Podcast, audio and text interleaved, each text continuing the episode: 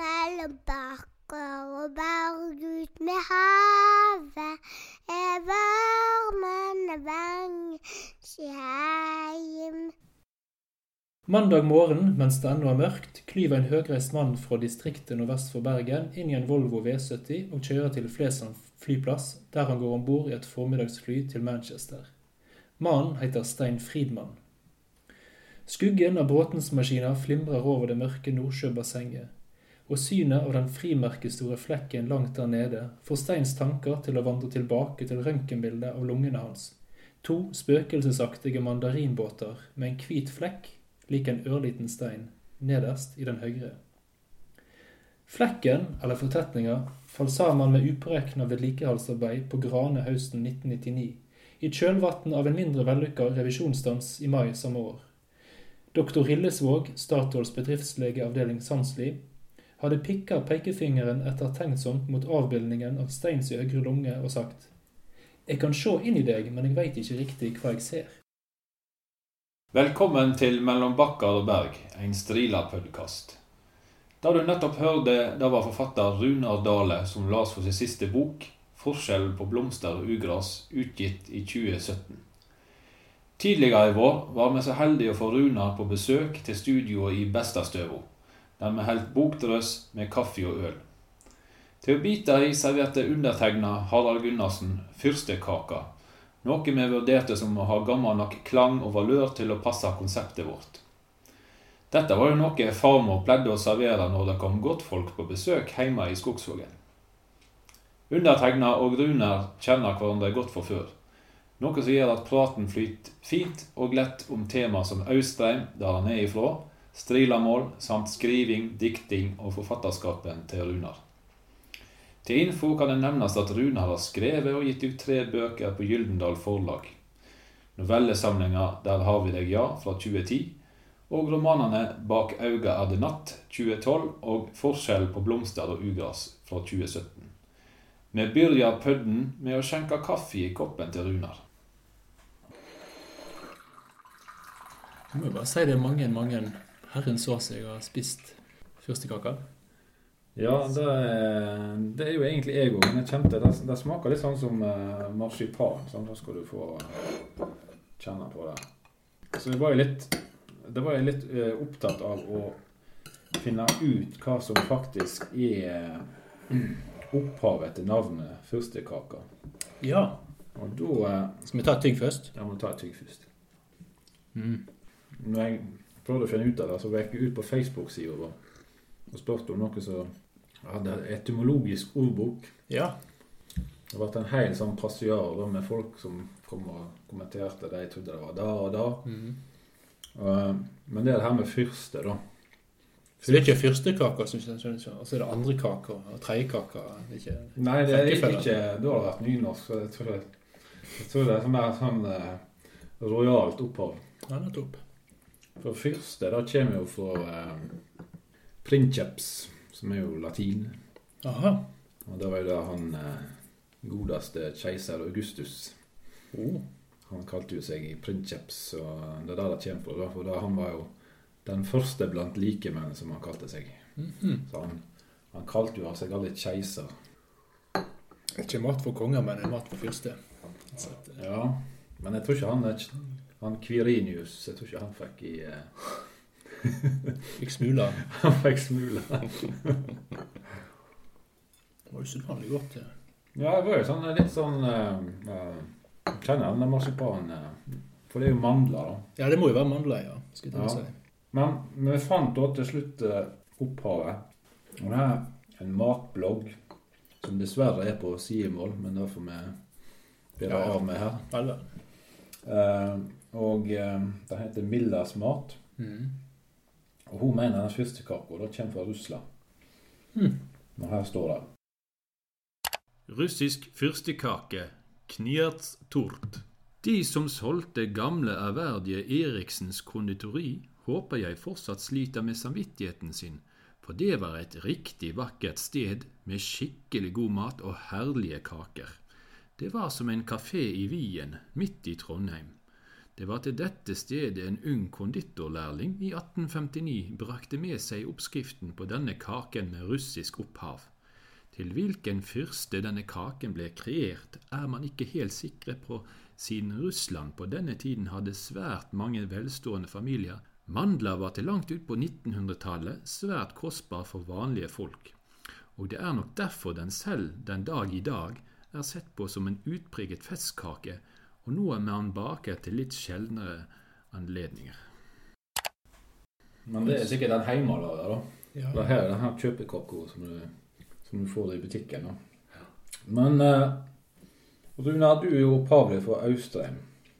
Og det er jo en eh, kystkommune da, som har tatt steget fra å bestå primært av fiskerbønder og litt småindustri, til å få mange arbeidsplasser basert på oljevirksomheter og ditto høyt lønnsnivå. Mm. Blant annet så var jo Mongstad etablert i 72. Mm. Er det slik nå at alle i Austrheim har eh, råd til fyrstekake, og da gjerne hver dag? Det er jo fristende å si at eh, noen av oss må spise napoleonskake òg, og andre former for eh, storkarkaker. Ja, nei, det er vel litt ymse som blir ete rundt i distriktene generelt. Men Mongstad hadde jo en viss eh, Ja, det var ikke noe autoritet på temaet i det hele tatt, men noe, han vokste opp et steinkast unna. Hver kveld jeg går til seng, så husker jeg da så jeg alltid på flammen, da. Mm. Og litt sånn eh, olympisk ild som brann der i skipsleiet. Ja, for du er jo Sant. du er født i 81, så da var jo det her allerede godt på plass. Det. Ja, ja. Mm. Så var, har det vært mye utbygging, utbygging i løpet av 80-tallet. Ja. Ja. Mm. Det var vel var det 86 du fikk det her uttrykket 'en mung? En mung, ja. som gikk på at eh, En mung var rett og slett eh, et begrep på en vanvittig budsjettoverskridelse. da. Ja, det var her han eh, Hva heter han? Alve Johnsen, eller var det han som hadde Ja, det var den ene av disse oljekarene. vel. Ja. Han var jo leder av Statoil, mener jeg. Ja. Men jeg mener han måtte, han måtte gå av pga. budsjettoverskridelsen. Ja. ja, jeg tror det. Ja. Mm. Men som sagt, på det tidspunktet var jeg fem år, og jeg husker ikke så mye av det da. men... eh, Men jeg, jeg tenker på det her med, eh, med Mongstad. Har du, eh, har du slekt som jobber der, da? Eller har du noen tilknytning til plassen sånn utenom å se flammen? Jeg har jo sjøl jobba mange somre på Mongstad base, da. Ja. Eller sjauing, da? Ja, da er det sjauing. Så er jo det en forsyningsbase da, til eh, oljeplattformene, så det er supply-båter. Da er det. Bryggesjauing med å losse og laste båter. Ja. Ja, sitte i den der eh, med sjaklene, så her spennsetterne deg inn i boden. Og. og jeg husker også, det var perioder det var veldig stille. da, Det kom sånne rødbåter. Og Da var det ofte hele dagen med å losse dem, da. Men da var det ofte mye venting, så husker jeg jeg fikk to med meg walkietalkien og satt meg inn i sånne svære rør nede på kaien der, så jeg så meg, da, og så la seg prost. Satt der og leste prost Ja. På Mongstad, ja. Ja, Det er jo ganske langt fra industri, da. i den. Og det her, er, Hva heter den boka? 'På sporet av den tapte tiden'? Ja, ja. Så det var den du eh, satt og las eh, i mine unge formative år. ja. Begynnelsen av 20-åra. Ja. Så jeg forbinder jo også litt Mongstad med litteratur på et eller annet vis. da. ja. Så hvis mine mot formodning en av mine tidligere sjefer da, på Mongstad hører dette her på kaikontoret, så kan jeg risikere å få noen sånn krav om inndragning av penger, og tilbakebetaling og Nå sitter han og leser Prost! Ja, leser noe skikkelig krim. Ja. Så det jeg stikker dårlig samvittighet når jeg- når jeg sa det nå, men eh, vel, vel. Jeg var ung og dum, og eh, litteraturen dro meg ned i røret. Ja, den måtte jo komme ut, ikke sant? Så, eh, nei, men det, det som er med Austein Vi hadde jo eh, Altså, han eh, ene broren min, da. Han har jo litt tørr humor. Han tørre Mm. faktisk enn meg. Og han lurer på det her med hvordan det kan ha seg at eh, vestligste punktet på Fastlands-Norge ligger i en kommune som heter Austheim. Mm. eh, Med vekt på Aust. Ikke der, hva heter det? Vardetangen? Ja. ja. Norges vestligste fastlandspunkt. Nei, det er et enormt paradoks. Ja. Og jeg har ikke gått i, i dybden sånn som du har gjort med denne kaka, da. Eh, Men eh, det er jo eh, Det ligger jo i bok der, tenker jeg. ja. Det er jo, eh, må, for det her er et mysterium som må oppklares. det er jo litt som eh, pingviner på Nordpolen omtrent. Og, ja, jeg vet ikke. Kanskje Det må være et eller annet med noe som Det kan jo ha et eller annet med, månesyklus å gjøre, eller noe. Månesyklus. Ja. I mangel, av et bedre Nei, men jeg, jeg, Teori. jeg, mener jeg las at navnet Austein når det kommer bare fra en gard på Austein, så det er gardsnavn. Ja. Og så er det blitt et navn på kommunen, ikke sant. At det var en viktig, kanskje, eh, Ja. gard på et Ja, tidspunkt. ja, ja. altså. Ja. De var jo ikke så opptatt av merkevarebygging på den tida, sant? så da Nei. Nå er jo vestligste fastlandspunkt Det er jo eh, Det kan du virkelig stå i bordet med. Men Runar, den tidligere heimkommunen din, eh, Austein, den grenser jo til nabofylket Sogn og Fjordane ved Gul. Da lurer jeg litt på, hvordan er det å være nabo til ytre sogningene i Gul? Ja, Det heter jo gulinger. De kaller seg selv for gulinger. det er jo det. Ja. Eh, Men jeg lurer på, er det, hvordan arter seg dette forholdet mellom Austrheimstriler og folk fra Gul? Sånn, generelt sett så eh, kjenner du veldig masse fine folk derifra. Så, Ja. Erfaringsmessig. Da. Ja. Veldig eh, godt forhold til gulingene, egentlig.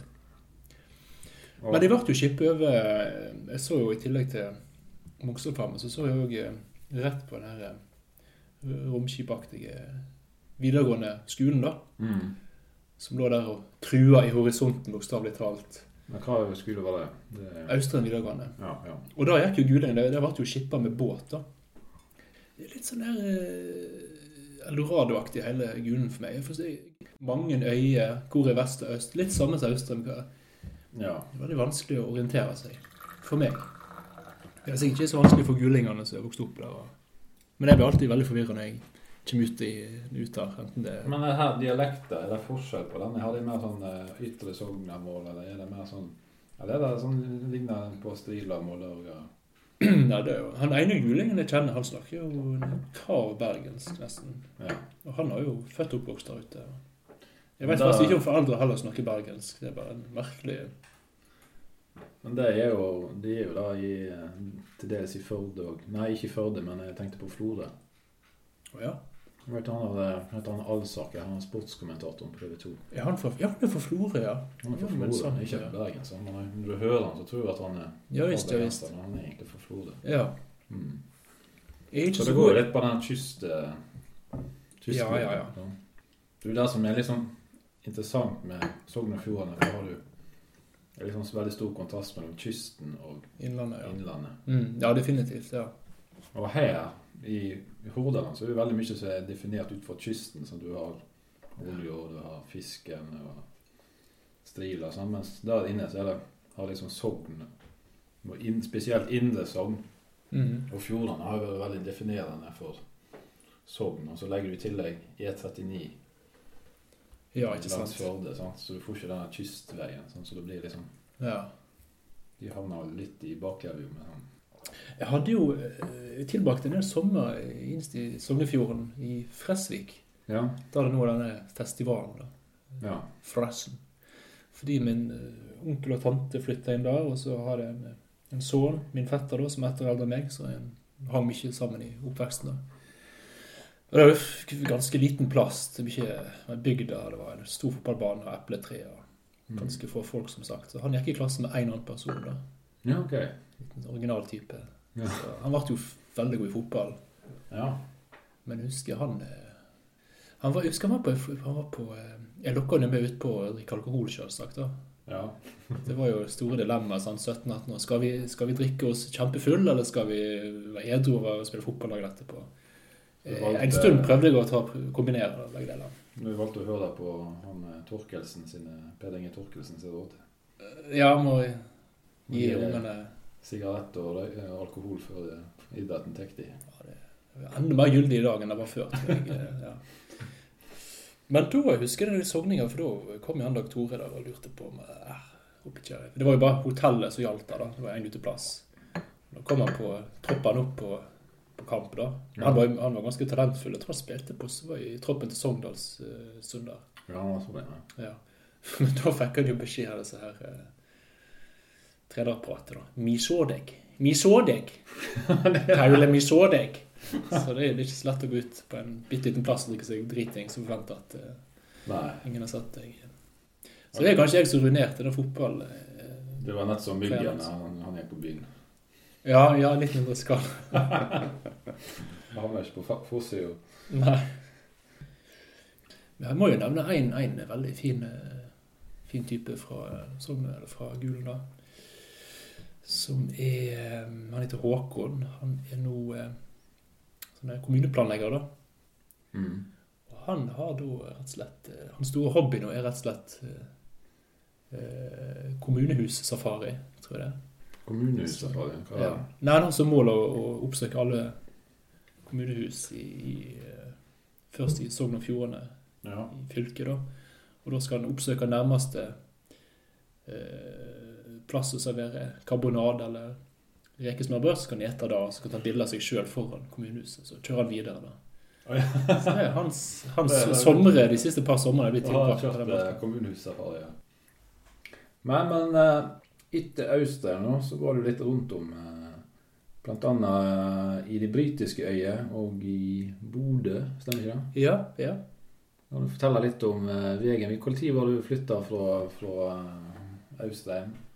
Etter, etter videregående? eller? Ja, 2001. Ja, begynte å studere et uh, forferdelig mislykka militær tjeneste, da. Jeg fikk beskjed om at jeg aldri ville bli kalt inn igjen på rep. Men du gjort det bra, da. Ja. ble kalt for setebajas, og det er så verre. Jeg vet ikke hva det, helt hva det betyr. Nei, det betyr en som sitter på ræva, kanskje. Jeg satt med barkrakken og fikk en sånn hånd som klaska meg på ryggen. Sitt du her, din jævla setebajas. Men det ble sagt litt sånn på jovial måte, så det kunne vært en slags merkelig Nei, men så etter, etter de eh, miserable årene Andus horribilis der oppe, så var det studie i Bergen. Fire år her, og så for jeg til England, York, da, i 2000, januar 2005. Mm. Utveksling da, og så eh, når jeg skulle skrive masteroppgaven i engelsk, så bare ble det buende en sted, da. Bodde i en sånn der fattig strøk ut forbi York. Tang Hall Lane. Det var noen sånne drittunger som drev og knuste ruter hver uke. Kasta poser med mjøl og vann på murveggen. Og... Men jeg vet ikke om jeg kan gå gjennom hele kronologien av eh, plasser jeg har bodd, for det har vært eh, bare de siste sju åra så har jeg vel flytta åtte ganger, tror jeg. kommer frem til. Så eh, Ja. det er mye, veldig, mye flytting. Oppbrudd. ja. Det er jo forfriskende til tider òg, men nå når det nærmer seg 40, da man prøver å klore seg fast en plass, tror jeg. ja. Og nå er det i Sedalen? Nå er det Sedalen. Ja. Inn i dalen. Fra York til Sedalen. Mm. Ei reise i Jeg reiser i tid. Og rom. tid og rom. Skal vi Eh, sprette øl? Nå har vi vært innom England. Nå Ja. kan vi åpne øl. Ja, det passer jo bra, da. Nå har vi Krona Verket, for nå har vi etter fyrstekake og, og, eh, og kaffe, så da kan vi jo By oss på øl. by oss på øl. Cheers på det. Cheers. Nei, men eh, for du, for du debuterte jo i 2010, så da var du ferdig med masteren Ja, i 2006. 2006. Ja. Og så bodde jeg bitte litt i Bergen, og så flyttet jeg til Oslo i 2007. Eh, Og så flyttet jeg til Edinburgh da, i Skottland i høsten, til, eh, til sensommeren 2009. ja. Så jeg bodde, ja, så jeg bodde jo i Skottland da når jeg fikk antatt de novellene. Ja. skrev to nye noveller der, mens jeg redigerte de et par de hadde. da, og så... Men jeg hadde egentlig trodd jeg skulle debutere to år før, da, med en diktsamling. Jeg var Mm. mest opptatt av dikt på den tida der. Eh, Så, da jeg, så, så, så første manus jeg sendte inn til et forlag, det var, eh, bar tittelen 'Havtime'. ja. Etter en eh, feillesing under et korrekturoppdrag. Det skulle egentlig stå en halvtime, da. Og så hadde jeg glemt R-en. sant? ja. Det er jo veldig poetisk. Havtime. En havtime. Hvor lang er den? sant? Ja. Det høres ut som noe Erik Bye kunne ja. I Hildringens havtime. Mm. Det er godt å seile i havtime. Maneten stemmer sine strenger. Ja. Ja, men, uh, men Så der gikk jo glipp av en diktsamling da, men det jo, den var jo litt ujevn da, den samlingen da, kanskje. Så da ble det jo heller noveller da, to, to år etterpå. Utenom, utenom det ene diktet da, som, eh, som, ble, som ble til romanen som jeg ga ut for to år siden. Eller ett år og et par måneder siden, 2017. Ja. Det var dikt, dikt om en tragedie i England i 2004, da, rett før jeg flytta dit sjøl. Der noen kinesiske skjellplukkere ble tatt av tidevannet og døde, da. Så husker jeg, så den, jeg husker jeg la som i avisa, så eh, skrev jeg et dikt om den tragedien. Ja, for I 2010 så debuterte du, som sagt, og den etter den havtime, da, ble det sånn at den var, havtimen ble eh, avvist i Døyri, som det heter. Ja. ja. Og er, det, er det vanskelig å skrive lyrikk og få det utgitt? Er det høye krav til det? Eller? Det er vel, eh, holdt jeg på å si eh, eh, Det er jo det samme altså, heter krav til språklig presisjon og litterar litteraritet, som det fint heter, da, Mm. da som i andre uttrykksformer da, innen litteratur, tenker jeg. Ja. Eh, og ofte er det noe sånn at de beste noe som hevder at de beste dikt, som er skrevet etter krigen, er jo en slags kort prosa, da. Og de beste romanene som er skrevet, er nesten en slags lyrisk, men nærmere lyrikken. Mm. Så disse sjangrene glir jo litt over i hverandre, tenker jeg. ja, ja, ja. Men når jeg skrev dikt, så handler det mer om å prøve å fange noen slags stemning eller øyeblikk som ikke det helt lar seg fange, da. Og, og komprimere inntrykk så best lar seg gjøre. Mm. Helt til jeg følte at for eksempel som i det tilfellet med diktet om Morecambe Bay, da, at dette har jo så mye mer jeg har lyst til å si, og jeg har ikke lyst til å skrive dikt på. Ja, det var dikt den på. og sånn Morecambe. Ja. Ja. Så jeg likte, jeg, jeg likte ikke å skrive så lange dikt, og det heller ha det sånn til lopp. Så Like derfor litt begynte jeg å- sånn, eh, å- Korthogde, da. Ja, litt mer eh, Ikke, ikke mer enn en side alltid. Nei. Nei. Og du får jo liksom arbeid med språket mye, da er det jo akkurat samme det gjelder å skrive andre ting. Hvordan var det å holde, når du endelig får gitt ut en novellesamling, hvordan var det å holde det her eh, ferdig prenta produktet i handa? Det var litt sånn uvirkelig, selvsagt. Ja. Eh, Skrekkblanda fryd er en passende klisjé å slenge på der. Eh, men det var mest stas. Det var jo kjekt. Ja. Hadde du jobba mye med altså det var jo Du tror liksom aldri helt at det blir bok før du, som du sier, får, får i hånda. da Så det var litt sånn uvirkelig. Ja. Var det mye sånn eh, redigering? Var det mye som måtte Nei, det var ganske radig. Det var jo redaktøren min Trude, da. Hun var- ganske enig med de, med, de tingene hun så, og fikk en god, god dialog med henne, da. mm. Så nei, det var, det var en ganske kjekk prosess, egentlig. Jeg skrev to, to nye noveller. Mens det var, jeg tror det er det sju noveller da? Åtte, noe sånt. Og i hvert fall to, to av dem skrev jeg sånn ganske kjapt mens jeg bodde i Edinburgh. da. Ja. I en sånn flyt der. Så skrev på ei uke begge to, tror jeg. Altså ganske kjapt. 20, ja. Ja, så to av dem skrev nå mens jeg holdt på å redigere. For jeg droppa to, for, begynte, for det var to noveller hun hadde en del å si uh, innvendinger mot, da. Så da bare droppet jeg det og heller begynte heller på, på nytt. Og det er virkelig eh, noe jeg har fortsatt å gjøre, i stedet for å bakse med ting som, som lugger og sliter, da. Så er det bedre å bare Mm. begynne fra scratch, rett og slett. Ja, for det, det handler litt om eh, ting, folk som eh, har noe ugjort, eller de må Sånn som i første novelle, så skal han reise hjem fra Og det er jo, jeg tenker, det er kanskje litt sånn eh, Ja, den er jo, biografisk. Sant? Du er i England, og han er i England. Han skal hjem til Norge. ja, for akkurat den er jo helt biografisk. Det skjedde meg da når jeg ikke Jeg skulle nå et fly, og så kom ikke taxi igjen. Da jeg skulle hjem, ja, til, da jeg skulle hjem og forsvare masteroppgaver. da, Så kom ikke taxi igjen. Og så når han kom, så forklarte han at nei, de har stengt av hele sentrum fordi det har stilt seg en fyr opp ei bru for å hoppe. Ja. Så han mente vi bare kunne Kunne ikke noen gå på og dytte han ut forbi, sånn at vi kunne åpne igjen for trafikk. og oh, ja, ja. Og så var, var det litt pussig, for den, de bruene som jeg så for meg hva bru det var, det var ikke så høye. Liksom ikke Sotra-bru eller Askebrua. Det var betydelig lavere, da. Så jeg, var redd for han skulle bli våt. jeg ikke. Men det var en ganske absurd situasjon, for du får jo veldig mange sånn komprimerte inntrykk. For jeg, rent egoistisk så vil jo jeg nå dette flyet mitt av personlige hensyn. sant? Og, ja. men samtidig er jo Jeg vet ikke om hvor presis han var gjengivelsen av som hadde skjedd i byen, siden de stenger av, så regner jeg med at det er litt mer alvorlig enn enn som så. Så dette var i juni 2006, da, ja. ja, ja. Men jeg, jeg merker, for jeg har jo diktet opp en del rundt den her eh, hendinger. da. Men det blir jo til at du manipulerer ditt egenminne når du driver på sånn som det. ja. Så plutselig så har jeg på en måte Hva var egentlig Hva var det som hadde skjedd? sant? ja. Når jeg tenker etter nå, så er det litt sammensausa med noveller og mine egne opplevelser. Litt Med minnet blir litt uh, sammensausa. mm, Ja. Men det er jo, eh, da kan vi jo snakke litt om inspirasjoner, for det, her, det er jo her eh, Hva er det du leter etter når du skriver? Sant? Det her var en, en helt spesifikk historie som du Mm. Som inspirerte deg. Som, altså, hva har du leter etter å få fram? I det første, altså Koka ned til noen jeg begynte å skrive, så var vel et eller annet jeg det nærmeste jeg kan komme en slags politikk, eller grunnen til at jeg skrev, var vel å prøve å fange her en hverdagens mystikk. Mm. Alle disse øyeblikkene som ikke blir registrert, eller som Dikt og, og kunst generelt handler om å rykke oss litt ut av vanetenkning, ikke sant? Ut av, ut av denne tralten, hverdagstralten, eller hva man skal si. da. Sette ting i perspektiv.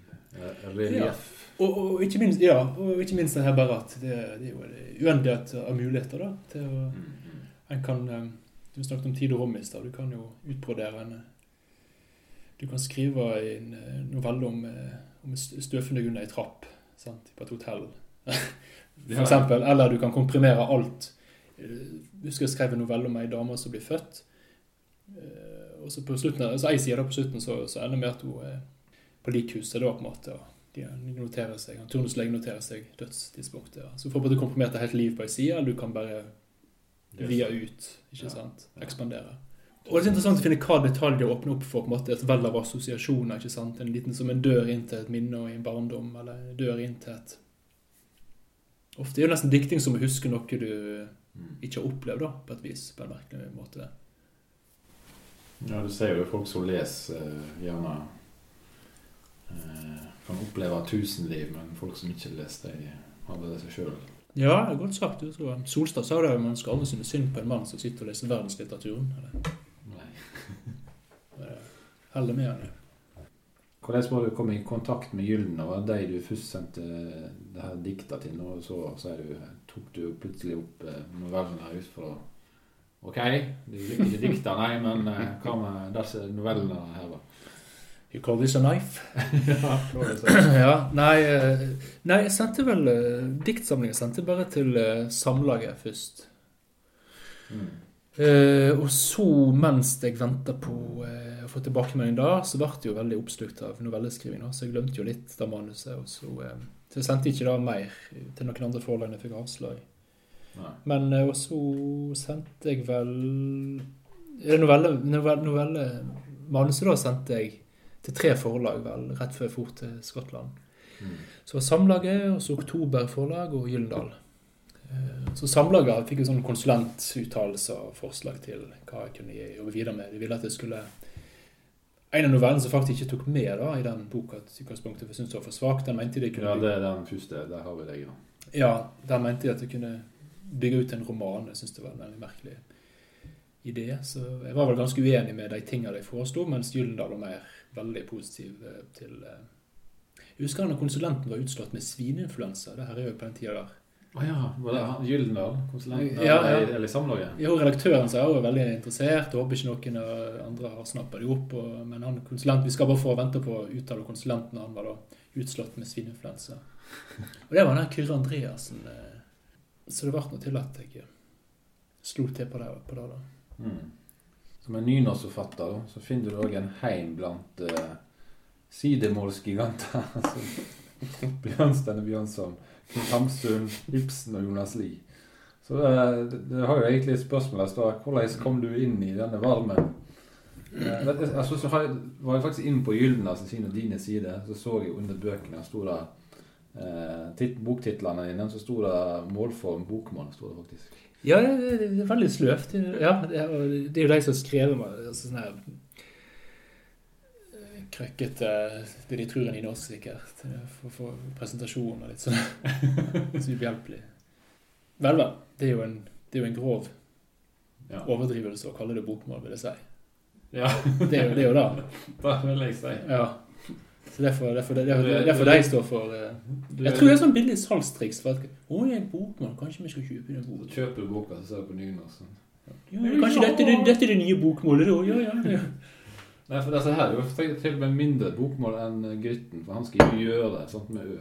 Ja, ja, ja, ja ikke sant? Ja. han, eh, og han, eh, han er bare gitt ut på samlag, ikke sant? Han, Han er vel skifta til oktober. han har skifta til oktober, men han tror han har gitt ut en del bøker på samlag. Ja, ja. ja, ja. Og der slapp han unna med å skrive gjøre. Mens Det var sikkert derfor han måtte slutte, for de gikk og plagde han og sendte sånne trusselbrev i posten. og Satte fyr på bilen hans. ikke, at jeg, ikke at jeg har noe mer finger med i spillet. så, men, ja.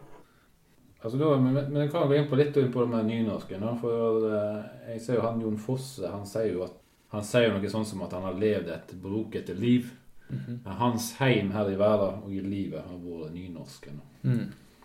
Eh, Nå har nok ikke levd like brokete liv eller, eh, som Jon Fosse, men eh, Men eh, regner du òg nynorsken som en heim i verden? Som han Jeg vet ikke om jeg Nå har han kommentert katolisisme og står litt på stortromma, da.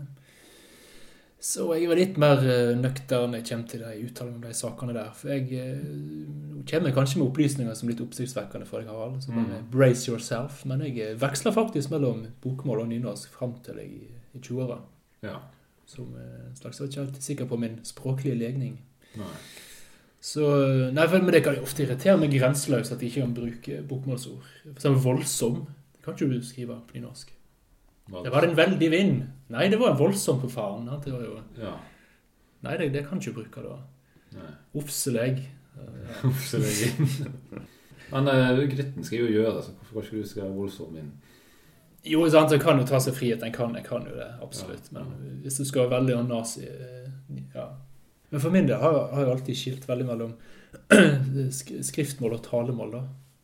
Ja. Og at eh, For jeg har nå snarere en blandingsdialekt, men Men eh, det er jo bare disse, disse ordene jeg brukte mest, som jeg sant, og hvorfor. Å skrive jeg og hvorfor føltes veldig fremmed, eh, Mm. rett og slett. Men eh, ja, så sang, ikke sant, og snakking er jo improvisasjon, og da er jo det blanding ofte Hvis en ikke er veldig bevisst på det, så Men samtidig å skrive nynorsk, så skriver du inn i en på en måte en målform, en tradisjon. ja, Og da er jeg veldig bevisst på Ja, og da er jeg veldig bevisst på ja. Sånn som begynner da med Åsen og Vinje og Vesaas. Hovland, Ragnar Hovland. Alle. Det er en stolt og rik eh, litteraturhistorie. Ja, virkelig. Men det er ikke din heim i verden, da, sånn som du ser det, sånn som eh, Fosse har. Det er en stor del av identiteten min. eh, Ja. Det er det jo blitt, helt klart. Og, men det er jo ikke den som Fosse som er litt sånn Jeg leste noe hva det på Litteraturhuset på veggene sto det er at det er målfolket som er sure, ikke nynorsk. det må nå eh, heller være litt mer mot eh, Hovland sin eh, Leikne Ja. ja, Ja. flytende leikne tilnærming. Litt mer popkultur og Nei, nei, det har jeg ikke noe sansen for. Det Nei. flytter meg vekk fra. Nei, det syns jeg ikke er noe om. Så ikke, Nei, det, jeg syns det er flott at han driver på med det, men det ikke Men du vil ikke ha popkultur nødvendigvis i Nei. eh, Sol Hortan på Deep Purple og Nei, det har jeg aldri likt. Sånne identitetsmarkører med musikk og film. Og Nei. det er alle likt. Eller ekskluderende, tenker du? Å ha for mye sånne her eh, smale referanser, kanskje? Det er ikke så smalt. Det er det samme om det er smalt eller sånn populærkulturelt. Det er bare irritert av det. Det er sånn, Jeg husker Tore Renberg som skrev om det og hvordan var det vokst opp på 90-tallet? Jo, da hadde ikke vi sånn og sånn. Vi hadde ikke internett. Vi hadde jakkemerker som så sånn og sånn på. det sånn Jeg jeg merker bare å bli forbanna når jeg leser sånt. Da blir det sånn det er hipster, det jo- veldig hipstervennlig, da. Det er jo ingen, det er altså Ren overflate det kan være veldig interessant å skrive om, men å bare slenge ut masse sånne Ja. ting eh, for å liksom skape en slags stemning eller skape et tidsbilde, en koloritt, er ganske billig og tåpelig. Mens Hovland er jo masse sprelske ting. Han er jo vittig. Han er jo... Men nå merker jo nynorsken i meg litt sånn surmaga. Ja. ja, du vil ha litt sånn konservativ. Mindre popkulturelle referanser. Mer allmenn- Jeg husker- Jeg husker jeg var på Gyllene og snakket med Trude Marstein, som snakket om at eh, var så irritert på Jon Fosse sin prosa. For han kan ikke bare eh, inkludere en mikrobølgeovn i tekstene sine. Så det, herregud, eh, for- en innvending å ha det. jo- For, for å gjøre det litt mer sånn forankre det i vår tid eller noe. da. Hvorfor skal det bare være fjorden og speilet og naustet og vegen? og- ja. Det er jo musikk. Det er jo som noter, tenker jeg. I et stykke. Så det var for uh, gammelmodige ref eh, referanser. Naust og fjord og, fjord og fjell. Ja, det var visst noe vi ikke likte der. Nei. Det stiller jeg spørsmålstegn ved. Men det ligger ikke noe tidløst i å portrettere landskapet, da. Kunne du hatt med en, en som uh, Du har jo med moderne kjøretøy, du kjører jo bil. Kunne du hatt med for eksempel en som Hun gikk han inn på smarttelefonen sin? Han så i Messenger at dama Jo, det, det er jo mer realistisk nå. Og, og, men Fosse driver nå med sine ting, og, at han, at han, og jeg driver noe helt annet enn han gjør, for så vidt. Så jeg, Ja. kan også, føler jeg har fritt til å kunne tillate meg ganske mye i, Mm, mm. i det jeg skriver. Men eh, det er klart han eh, skriver seg litt inn i et hjørne og, og, og, snevrer inn det han driver på med, da. Ja. Men det er eh, Fikk du gå på hagefest? Ikke åpne i Aschehoug sa Hagefest, det har jeg ikke vært på. Nei. Men jeg var på eh, terrassefesten til Gyldendal. De har sånn sommerfest og høstfest. Jeg pleier å si ja til, til, til å gå på ting hvis jeg har noe i ermet. Hvis jeg skal holde på å skrive på en bok som snart skal ut. eller Ja. Men det er bare å dasse rundt når du bare ikke har et prosjekt og føles litt sånn teit. Det kjekt. Spør de deg sånn Hva holder du på med? Ja, det er av og til, men ja. uh, det er for min egen del. Jeg er ikke så glad i sånne svære sosiale lag der jeg ikke kjenner så mange. sant? Nei, nei. Og det er jo et eller annet å ha på en måte, føle at du har en eh, relevans der eller noe. Så eh, Nei, det har vært moro. Det er jo at jeg er blitt, jeg er blitt komfortabel med å være sånne sosiale settinger. Det er alltid alkohol inkludert, så det er jo greit. Er det, er det gratis alkohol? Ja, ja, men. Jeg var på sånn Gyldendal forf- forfatterklubbmøte da, før denne høstfesten nå i Ja, rett før boka kom ut i 2017, var det vel. Og da eh, da var det to første spørsmål i møtet. Det var hvor er alkoholen, og hvem gidder å hente den? Hvit, hvitvinsflaskene. Så for da var det tomt allerede før møtet var begynt. Så da, Men det går mye vin nå. ja, masse vin. Ja, ja. Men eh, altså, det å være debutant, det var vel litt uh, I sin tid Det var vel noe vært eh, spennende, da. Men det, jeg bodde jo som sagt i Edinburgh på det tidspunktet, Ja, ja. så det var, det var litt sånn utenfor alt. Det var sånn deilig å kunne reise vekk òg. Og så skulle jeg, skulle jo, jeg var på sånn debutanttreff på Mono. Og da var det Hovland som presenterte meg, og og det var ganske kjekt. Men så skulle jeg på en et eller annen en debutantkveld på Litteraturhuset, men da var jeg innesnudd i Edinburgh, for da kom det en centimeter med snø, og da lamma du hele flytrafikken og hele all kollektiv, kollektivtransport da, i Skottland, så da fikk jeg ikke dratt. Ja, det er jo grått og vått. Og den tjukke tåka som kommer, heter jo her. H-a-a-r. Det er Hær. Det her Og da, da kan du lese jo veldig fascinerende. Du leste jo aviser at det da er jo alle herjingene at det har. da. Hadde en kompis der borte. Han eh, skulle ha satt seg på bussen og når tåka kom snikende, og hentet opp en helt annen plass. For bussjåføren hadde kjørt helt feil i tåka. Så det, er- det er virkelig eh, tåke, tåke, tåke med stor T. Edinburgh du bodde. Ja. Ja, fin by, da. ja, veldig flott. Nei, jeg tenkte på det her med ski. Altså, du fikk jo eh, gode tilbakemeldinger. sant? Jeg så jo inn og så på hva var det BT skrev i sin tid. Dirrende debut. Fandenivoldsk og poetisk novellist. Det må være stas å få fra Silje Stavrum Norevik i BT. Ja, ja da, det var, det var fint. Mm. Det var en husker var Adresseavisa, de var misfornøyd. De skrev at det var altfor triste noveller. Mm. Kan du ikke, kunne ikke skrevet noe mer oppløftende? Noterte med det. Folk må lese triste ting òg. Ja, det er altfor mye glede Sant, ute i det- samfunnet. Må gjøre noe som eh, realitetsorienterer det litt. Jeg leser jo en del sjangerlitteratur. Altså, tenkte på han mannen bak eh, Game of Thrones-bøkene, George R. Martin. eh, eller A Song of Ice and Fire, som, han het, som det heter. Så eh, i hans eget univers, som ikke er serien, så kaller han seg sjøl for en litterær gartner.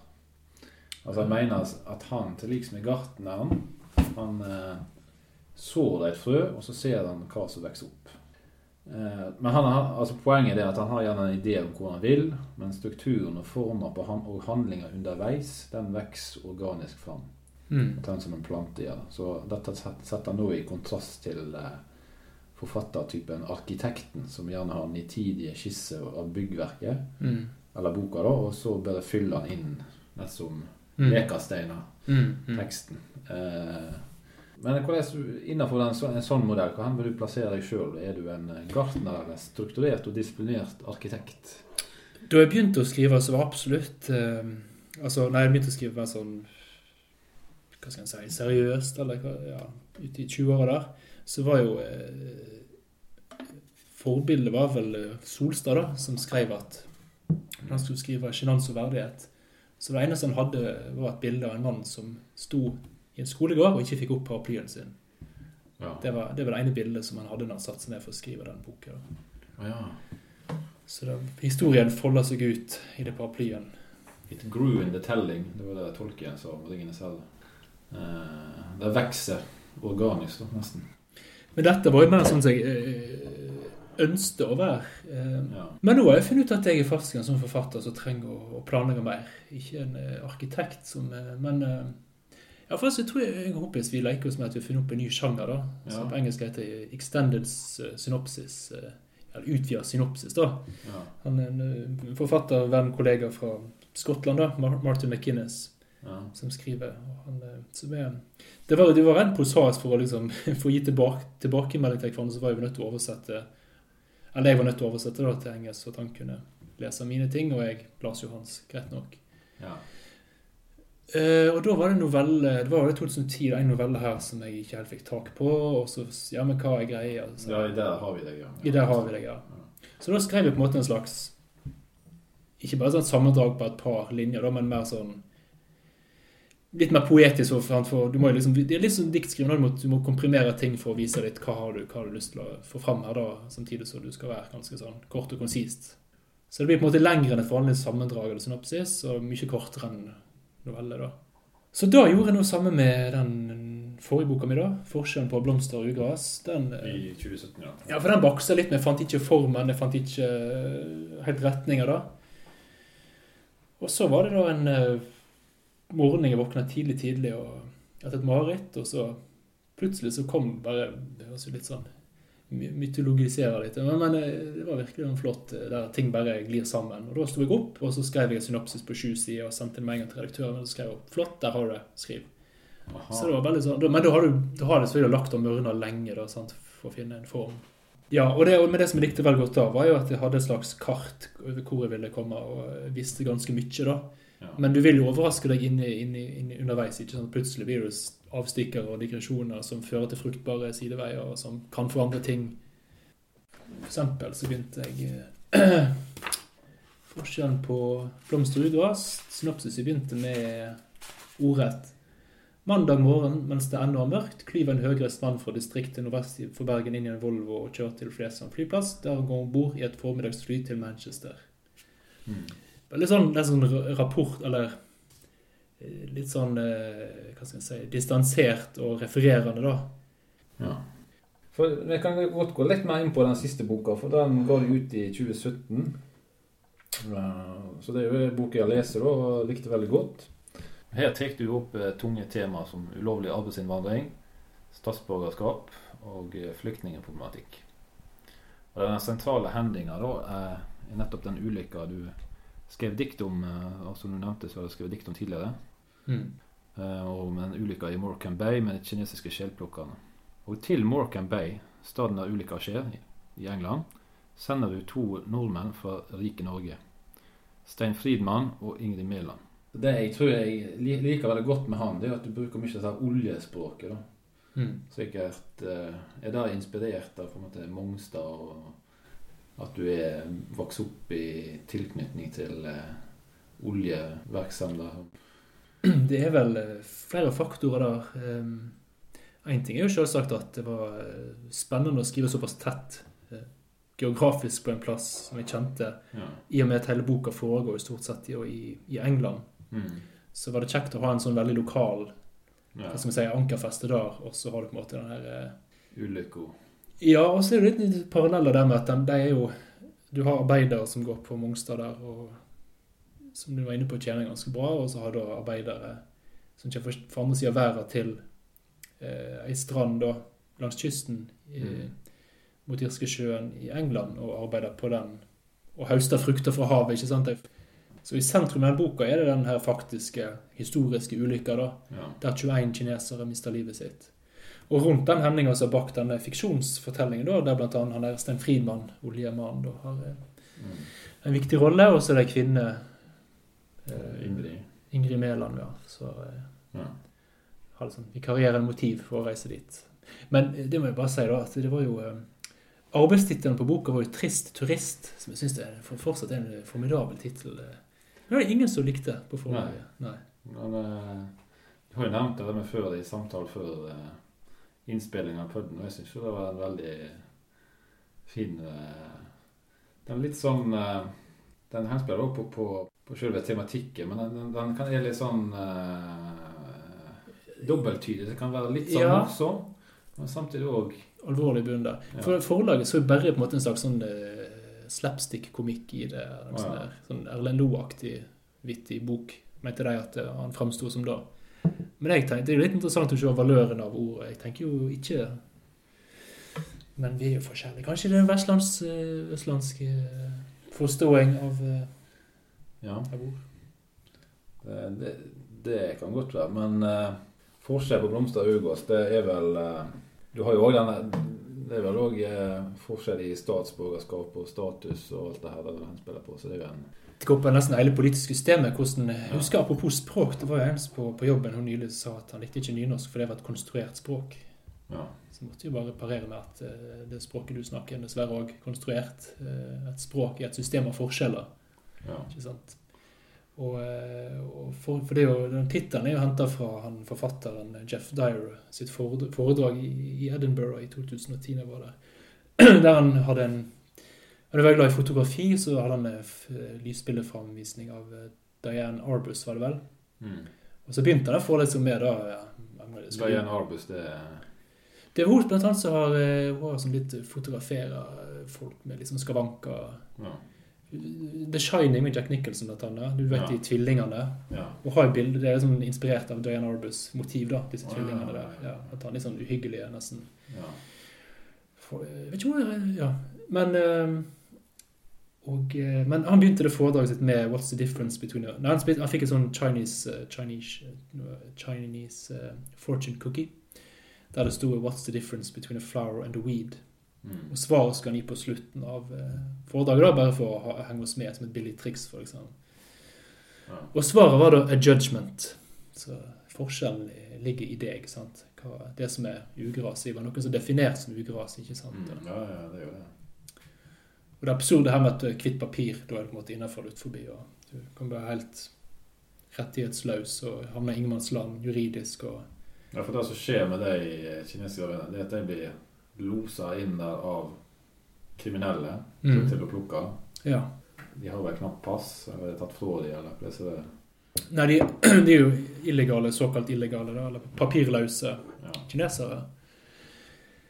Jeg husker ikke akkurat tallet på nå, men det var jo de Selv om de tjener da nesten ingenting i forhold til en gjengse engelskmann, da, så, så, er det likevel en slags Det de tjener på ei uke der, er jo nesten en halv årslønn sant? i den lille fattige bygda de kommer fra i Kina. Så de sender jo penger tilbake igjen. Og...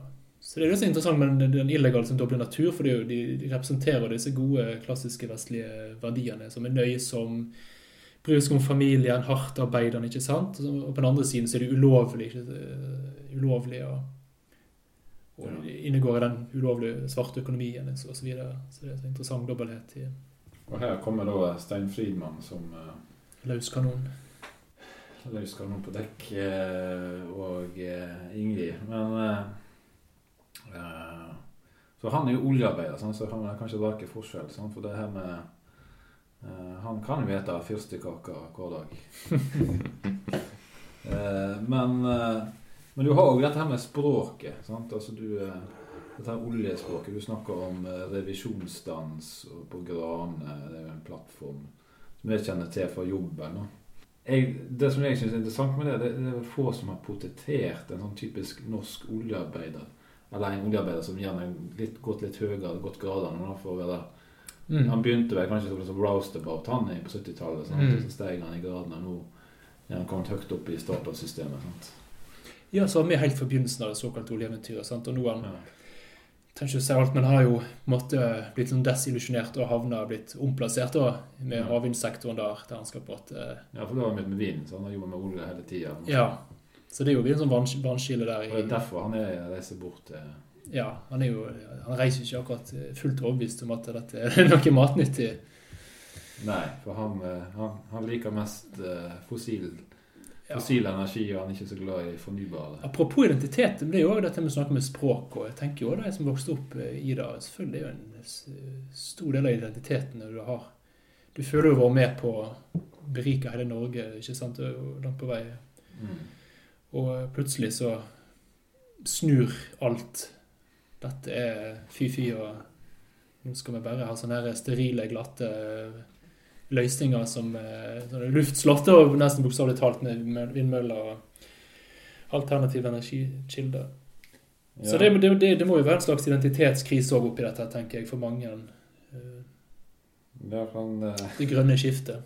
For du har jo her eh, Kan jeg lese der han sier om eh, vindmøller? Ja, ja. ja. Det er i ferd med å renne fullstendig over for Stein Friedmann. Jeg gir nå faen i vindmøller.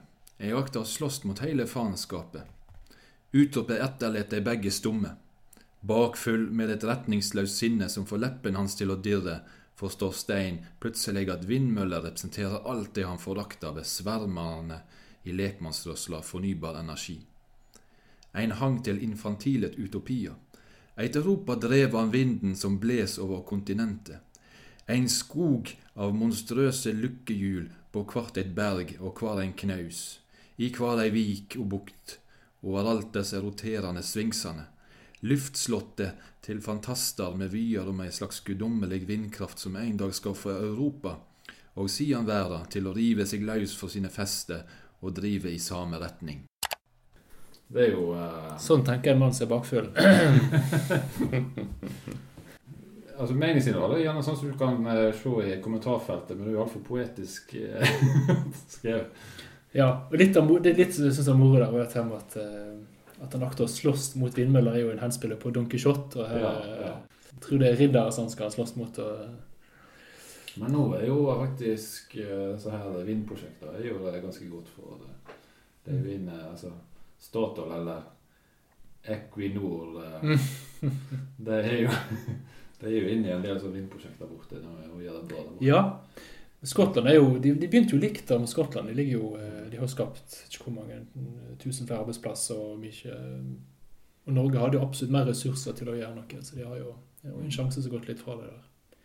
Men jeg kan bare kort, kort påpeke at akkurat den leste, da, den eh, han, han- han tar seg i det og tenker dette er jo sånne fraser og ideer som har hopet seg opp i løpet av ti år på diverse eh, kontorer og, lunsjpauser opp gjennom årene. Så, så det er et konglomerat av disse frasene som blir slengt rundt. Ja, så- Jævla luftslott og det er noe skabrakk og ja. Ja, Han har sett seg lei på hele den eh, retorikken og noe Mm. han, er, han er jo en, I den akkurat der så er en litt sånn sårbar fase, da. Ja, ja, ikke sant? Ja, så, ja, sårbar. Og så, og så får du bare noen enkle spørsmål. Så, så kanskje det, Hvis du får veldig konfronterende spørsmål, så, så går du jo direkte i forsvarsmodus. Ja. Men du klarer så litt sånn undrende åpne spørsmål. For vil du kanskje få det til å hm, hva? Ja, han slår meg litt som en, en person som uh, han Stein, som Han veit best ofte. Han, gjerne han Mansplaining, ikke det? Ja, mansplaining mot Ja. yngre. Og Ja, ja, ja. Og hun kommer jo fra motsatte fløyen. sant? Hun jobber på ungdomsinstitusjon i barnevernet og har jo en veldig sånn lyttende og, og evner jo mer å kanskje sette ting i kontekst og se seg sjøl utenifra da, enn han gjør, sannsynligvis. Han durer på når han først setter i gang, så er det som en uh, Trykkluftbor. Hun er ikke så skråsikker på ting, da. Nei. Liker ikke å fly. Nei, hun er flyskrekker. Ja. Ja, Altså er jo da hobbyornitolog. Ornitolog. Hun liker jo helst å holde seg på bakken og se på ting som flyr, gjennom en kikkert. Med ulike avstand. Mm. Sånn sett. øh, Ja, for det er ornitolog, da er det fugle... Fugletitter, ja. Ja. Så jo da har permisjon fra denne jobben sin som vernepleier på en ungdomsinstitusjon i Bergen. Født og oppvokst sør i Bergen en plass da. Men hun Ingrid har, har um, Hun er jo da en Ei som reiser dit, som sagt. Vi trenger ikke avsløre alt, da. Men eh, som en slags, en slags ferie, da. For å se på fugler. For det er jo Er det, er det Walney Island, en øye utenfor Morecambe der, som har et, dette? Morecambe, det ligger hvor det, det handling, til det her, hvor dette her skjer. Altså den ulykka og alt det der. Det ligger Ja, nord nordvest i England. En times tid fra eh, Halvtimes tid fra, fra Blackpool, eller ikke så langt fra Jeg tok tog fra Manchester, da. Det er nær Manchester, ja. Ja, Liverpool er enda nærmere. Ja. Og Morecambe, det er, det er Leicester ligger kvarter med tog. Ah, ja. Og, og, Nei, unnskyld, Lancaster. Unnskyld. Lancaster, ja. Ja. Og da er det sånn at det er veldig stor forskjell på, på flo og fjære, ikke sant? Det trekker seg ut 12 km. 12 kilometer. Og når, når tidevannet kommer tilbake, da kommer nesten en sånn liten tidevannsbølge. da. Så bølger bølger, altså. Ja. Og da disse kinesiske turistene, de, de eh, Nei, altså ikke turistene, sier men disse her eh, arbeiderne Kjenner kanskje til de lokale forhold så godt. Nei, og disse bakmennene da, har jo ikke utstyrt dem med tidevannstabell. Så, eh, og de gikk ut der midt på natta, og det var jo lokale fiskere og skjellplukkere pikka på pekefingeren på klokka og sa at Mm. de må ikke gå ut nå, men de forsto ikke språket. sant? Nei. Og disse bakmennene tvang de ut, og så når plutselig da tidevannet kom, så var det stupmørkt. Og Morecambe er jo en enormt svær bukt der, da. Mm. og en sånn halvøy på andre sida. Så noen hadde begynt å svømme ut mot havs fordi de så lys, men det var jo lysa som var på ei halvøy som var vanvittig langt unna, så de drukna. Men det var en som var tredje, da, med med et helikopter med termografisk eller kamera, som ikke tørde å vitne omtrent, for de var jo livredde for represalier. Familien hjemme, sant. De hadde jo Ofte var en hel landsby som gått sammen for å samle penger, sånn at han ene personen fra landsbyen kunne få dra, sånn at han kunne få tjene penger til, sånn at han kunne- forbedre livet sine. Du kan jo snu deg på Tenk hvis vi er i Norge. Tenk hvis du kommer fra Sotra, bygda di der, så er du den ene som reiser til, eh, til Kina da, for, for å jobbe illegalt. Og så fører du hele landsbyen din. Hvis du blir tatt, så ikke bare går du glipp av den inntektskilden, men i tillegg så har du kanskje ruinert med å lyte alle pengene dine vekk til den personen som da skylder masse penger til smuglerne. sant? Man ser jo litt om eh, et kinesisk samfunn der du har eh, rikdommen er veldig sentrert rundt byene. Mm, Moderniseringen ja. har skjedd rundt byene, Mm. landsbyene havner eh, er Helt tilbake, ja. ja. Litt av, litt av poenget i boka er at her det universelle er jo at eh, på den tiden dette det skjedde, så var det veldig mange eh, blant mange bander, da, som vi kalte det, fra, sør, fra Øst-Europa, som eh, gikk og, eh, og samla skjell. Og det var en del sånne ulike eh, etniske folkegrupper som var der, da, men eh, så, hadde kom fra fattige kår. Men Er det tilfeldig at det er kinesere som kom Eller var det de som på en måte var mest Nei, det, det begynte å komme året før, tror jeg. da. Det hadde vært, eh, men det, det paradoksale er jo at det var jo mange Det er jo en veldig lukrativ bransje dette her. De sjela ble jo solgt nedover Europa til ganske mye penger. For pokker, i 2004 da, så var det forgifta skjell både i Wales og Skottland. Hjerteskjell. Det er som vi har hjemme i Jeg husker vi har jo det på, Hvis du holder på sida, så ser det ut som et hjerte. da. Men alle tenkte at du kunne ete det. Men det er jo sånn delikatesse. Selger det spesielt i Nederland og Belgia. Så, eh, så, så litt poenget å viser litt den her eh, at mobiliteten og eh, den her kapitalismens eh, lovnad om mulig, like muligheter for alle er jo eh, basert på at det er like muligheter for en bitte liten minoritet, mens veldig mange lever i slavelignende forhold, eller en trellaktig Ja, ja, arbeidsforhold. Som på en måte er, er disse her tarmene eller de, de, store maskineriet som får vent og gå rundt. egentlig. Ja. Mm.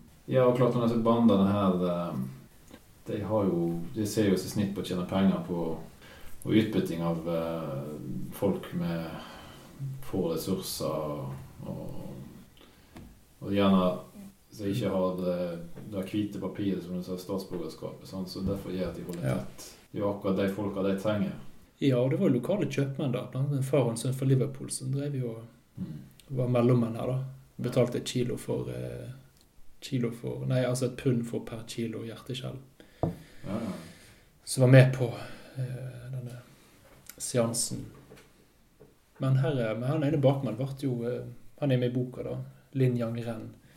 Han eh, dro under dekke og var student i Manchester, og så eh, var han egentlig regnskapsfører hjemme i, eh, i Kina. Så han ble jo dømt for eh, uaktsomt drap der på eh, Det var jo han som tvang de ut der uten sant? Og de levde jo sånn slavelignende forhold. Mm. Så så de at de andre virka livredde, og han virka liksom skilte seg ut med kroppsspråk og måten han forholdt seg til, og alibiet hans var veldig pussig. De fant jo han gående langs veien i nærheten av ulykka, da. Men han fikk vel, var det For hvert liv han, han, for han direkte var skyldig, da, så eh, fikk han For hvert liv fikk han to måneder i fengsel. Og så To fikk, det var nesten ingenting, og så ble han sendt tilbake til Kina. Så stor oppstandelse i det var, det var jo, Opposisjonen var jo veldig på den saken her en stund. I 2006, blant annet. Når de fant ut at han fikk sånn avtale med Kina. Så det var eh, Så han fikk jo ja, totalt sone han vet ikke hvor mange år, var det fem-seks år for hele pakken. Det var jo hårreisende. Akta saken ble lagt på bordet, men selve straffa hans ble utrolig billig. da. Og ring, ringvirkningene på denne ulykka, du ser på alle familiene hjemme i Kina, hvordan det er. Det, var en, det var en rapport, reporter for Guardian som reiste dit et par år etterpå ulykka og intervjua de etterlatte. Da. Det var jo en som hadde tatt livet av seg, for hun hadde ikke noen, altså, ingenting å leve for lenger. Og, så han hadde mange, mange liv på samvittigheten, den mannen, uten at han fikk noe som helst. Uten at det gjenspeilte seg da i, i domfellelsen. Men altså, du har jo gjort veldig mye research. Du har jo også det, et narrativ som går, eller en fortelling da, som går framover, men så bryter du opp med, med digresjoner der du gjerne har historiske utgreiinger om et tema. Men da har du blant du har vel lest mye oljehistorie, vet jeg, og du har satt deg inn i Morecamp og denne saka her, og eh, fugletitting. Ja, ja. Hvor langt mye research-tid brukte du på det? Ikke så mye. Min, abs- definitivt minst på fugletitting, vil jeg si. Ja. Men eh, jeg fant vel en slags sånn poetikk når jeg skrev den boka. her. Det var jo ofte, Hvis du begynner å skrive, så er det ikke velmenende folk som sier til deg du må skrive om det, det, det, skrive om det du vet. Det er ofte østlendinger hvis de sier sånt. eh, har jeg funnet ja. Og så- men jeg har kommet til motsatt konklusjon. da. Skriv om det du ikke vet, i betydningen uh, finn ut noe du er interessert i og nysgjerrig på, og sett deg inn i det. Forplikt deg til å lære noe om det. da. Og litt av her uh, Ideen bak disse digresjonene er òg å vise disse historiske sammenhengene og, eh, og heller peke på års, direkte årsaker. Da, så det er sånn leksikalske opplysninger heller enn en slags sånn symptom. ja. Og så kan du heller ha antydningens kunst rundt, rundt andre aspekter i teksten. Mm. Men du, jeg ser vi nærmer oss slutten her, og, eh, men før vi runder av, så ba jeg deg ta med et dikt som du ville presentere for eh, lytterne våre. Ja, for jeg tenkte jo på eh, Du spurte meg om en dikt Da tenkte jeg med en gang på Rune Kristiansen. Ja. For han var jo viktig når jeg, begynte, når jeg skrev dikt her i eh, slutten av eh, Ja, millenniumsskiftet, da. For Ja. sånn 20 år siden, da. For før den tid var det mer som sanglyrikk. Men Jo, for det er det jeg tenkte. Jeg tok, med, jeg tok ikke med Rune Kristiansens samla dikt, fordi han hadde akkurat, akkurat kommet ut med en ny diktsamling. Ah, ja. Første på ni år. Så jeg, jeg tok med meg den jeg faktisk for å holde det up to date. Ja. Så jeg skal nett hente opp. ja. Jeg kan jo kort nevne bare eh, Jeg husker jeg leste i avisa i 2001, tror jeg det var, den tittelen på en diktsamling av Rune Kristiansen. Den tittelen er faktisk nok Det er jo et dikt i seg sjøl, men den, den, med jevne mellomrom så, så sier jeg den høyt til meg sjøl innvendig. Ja, ja, sånn type dikt. Og tittelen på den diktsamlinga, det er Om trær som vokser seg skakke i trange, skyggefulle hager, men som likevel, eller nettopp derfor, gjør inntrykk, og som man husker livet ut. Over, så han har jo en sånn forkjærlighet for eh, litt sånne lange, kronglete, kronglete eh, titler på dikta sine. Og Ja. den siste nå, da, ja. som kom ut nå i år, 2019, det er altså Jeg uttrykker meg feilaktig om årstidene, eller de små epistlene som fikk den storslagne tittelen Det gylne skinnet. ja. Og dette er da altså, Euripides og Ar- Jason Argonautene og Medea som drap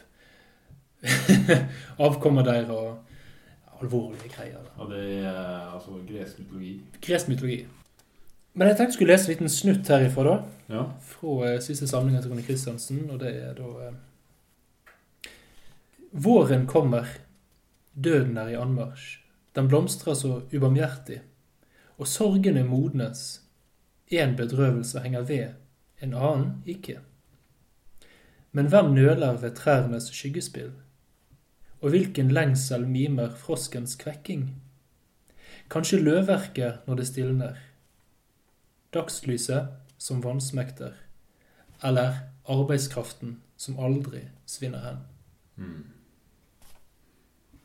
Da fikk vi jo litt sånn arbeids... Eh, fagrørsle inn her òg, på slutten der. Med. Ja, vi gjorde det.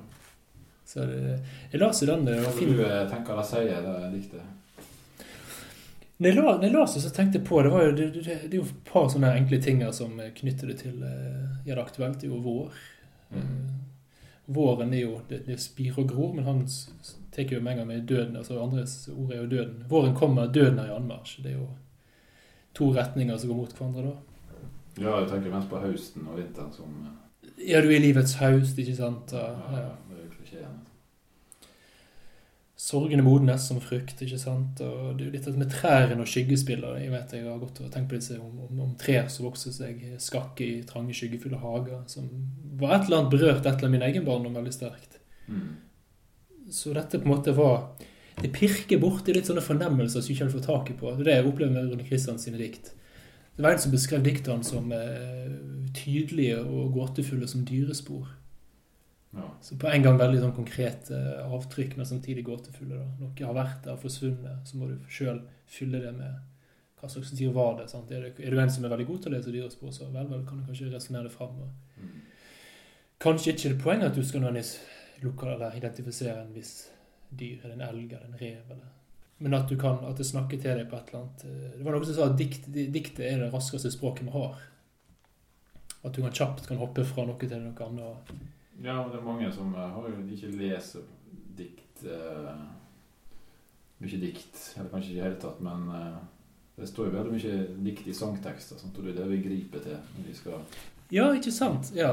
eh, Jeg var i bryllup i Frankrike, og da Ikke alle som liker å gå i engelsk, men husker Mm. dagen før festen så var det jo eh, Det her var jo eh, i bryllupet til broren min, og så begynte onkelen min å synge en sang. Ja, hva sang var det? Eh, Jeg tror den her hekla stålstrengene, eller harde fyr. Ja, ja, ja. ja. Og så begynte han å synge den, Ja. helt alene. ja. Og så gikk fransk, noen franskmenn fram med sang i sang. Og så var det far min måtte til pers. Så ble det liksom sånn song battle. da. Ja, ja, ja. Sånn? I mangel på, eh, på en god kommunikasjonsform, så har vi Ja. sangen. sant? ja, ja, ja. Og- Vakkert. Ja, så det, var, det viser jo bare krafta som ligger i både sang og eh, dikt. Og lyrikk kommer fra lyra. sant? Lyren skulle jo egentlig framføres originalt med Ja, musikk. Ja, tilbake til gamle Hellas. Ja, ja, ikke sant, gamle Hellas. så. Nei, men uh, vi må jo uh, med i puden, uh, som er mye nærmere nærme oss eh, slutten her, men eh, vi har jo et fast spørsmål som vi stiller. Er det et sånt særskilt dialektuttrykk for, eh, som du liker godt å bruke, som du syns er Ja Jeg vet ikke om det er så lokalt, men jeg er veldig glad i piskedausen, da. Piskedausen? Men det er vel du godt kjent med òg? er. Ja, jeg har hørt det, men jeg har ikke brukt det så mye. Ja, du uttrykker vel undring eller overraskelse eller eh, Ja. Men det, det mener jeg er bergenser. begeistring. Ja, jo da, det er sikkert ikke noe sånn veldig lokalt distrikts... Men hva setning vil du bruke i eksempel? For eksempel hvis det blir servert fyrstekake og tar tygg, så utbrøt jeg det inni meg, tror jeg. Ikke i nærheten av piskedausen. eh. Piskedausen, det var godt. Men jeg husker du satt med på kjøkkenbordet med hun mormoren min da, fra, fra Øksneset da. Jeg husker jeg satt med kjøkkenbordet hennes en stund tilbake, og så satt vi og gløtta ut vinduet og drakk kaffe, og så plutselig så sa hun det var en feil av Vadlesletta. og, eh, Vadlesletta, ja. men, og da har jeg jo funnet ut det er jo sånne ord som noen noe Osinger visste godt hva det var. eller noe.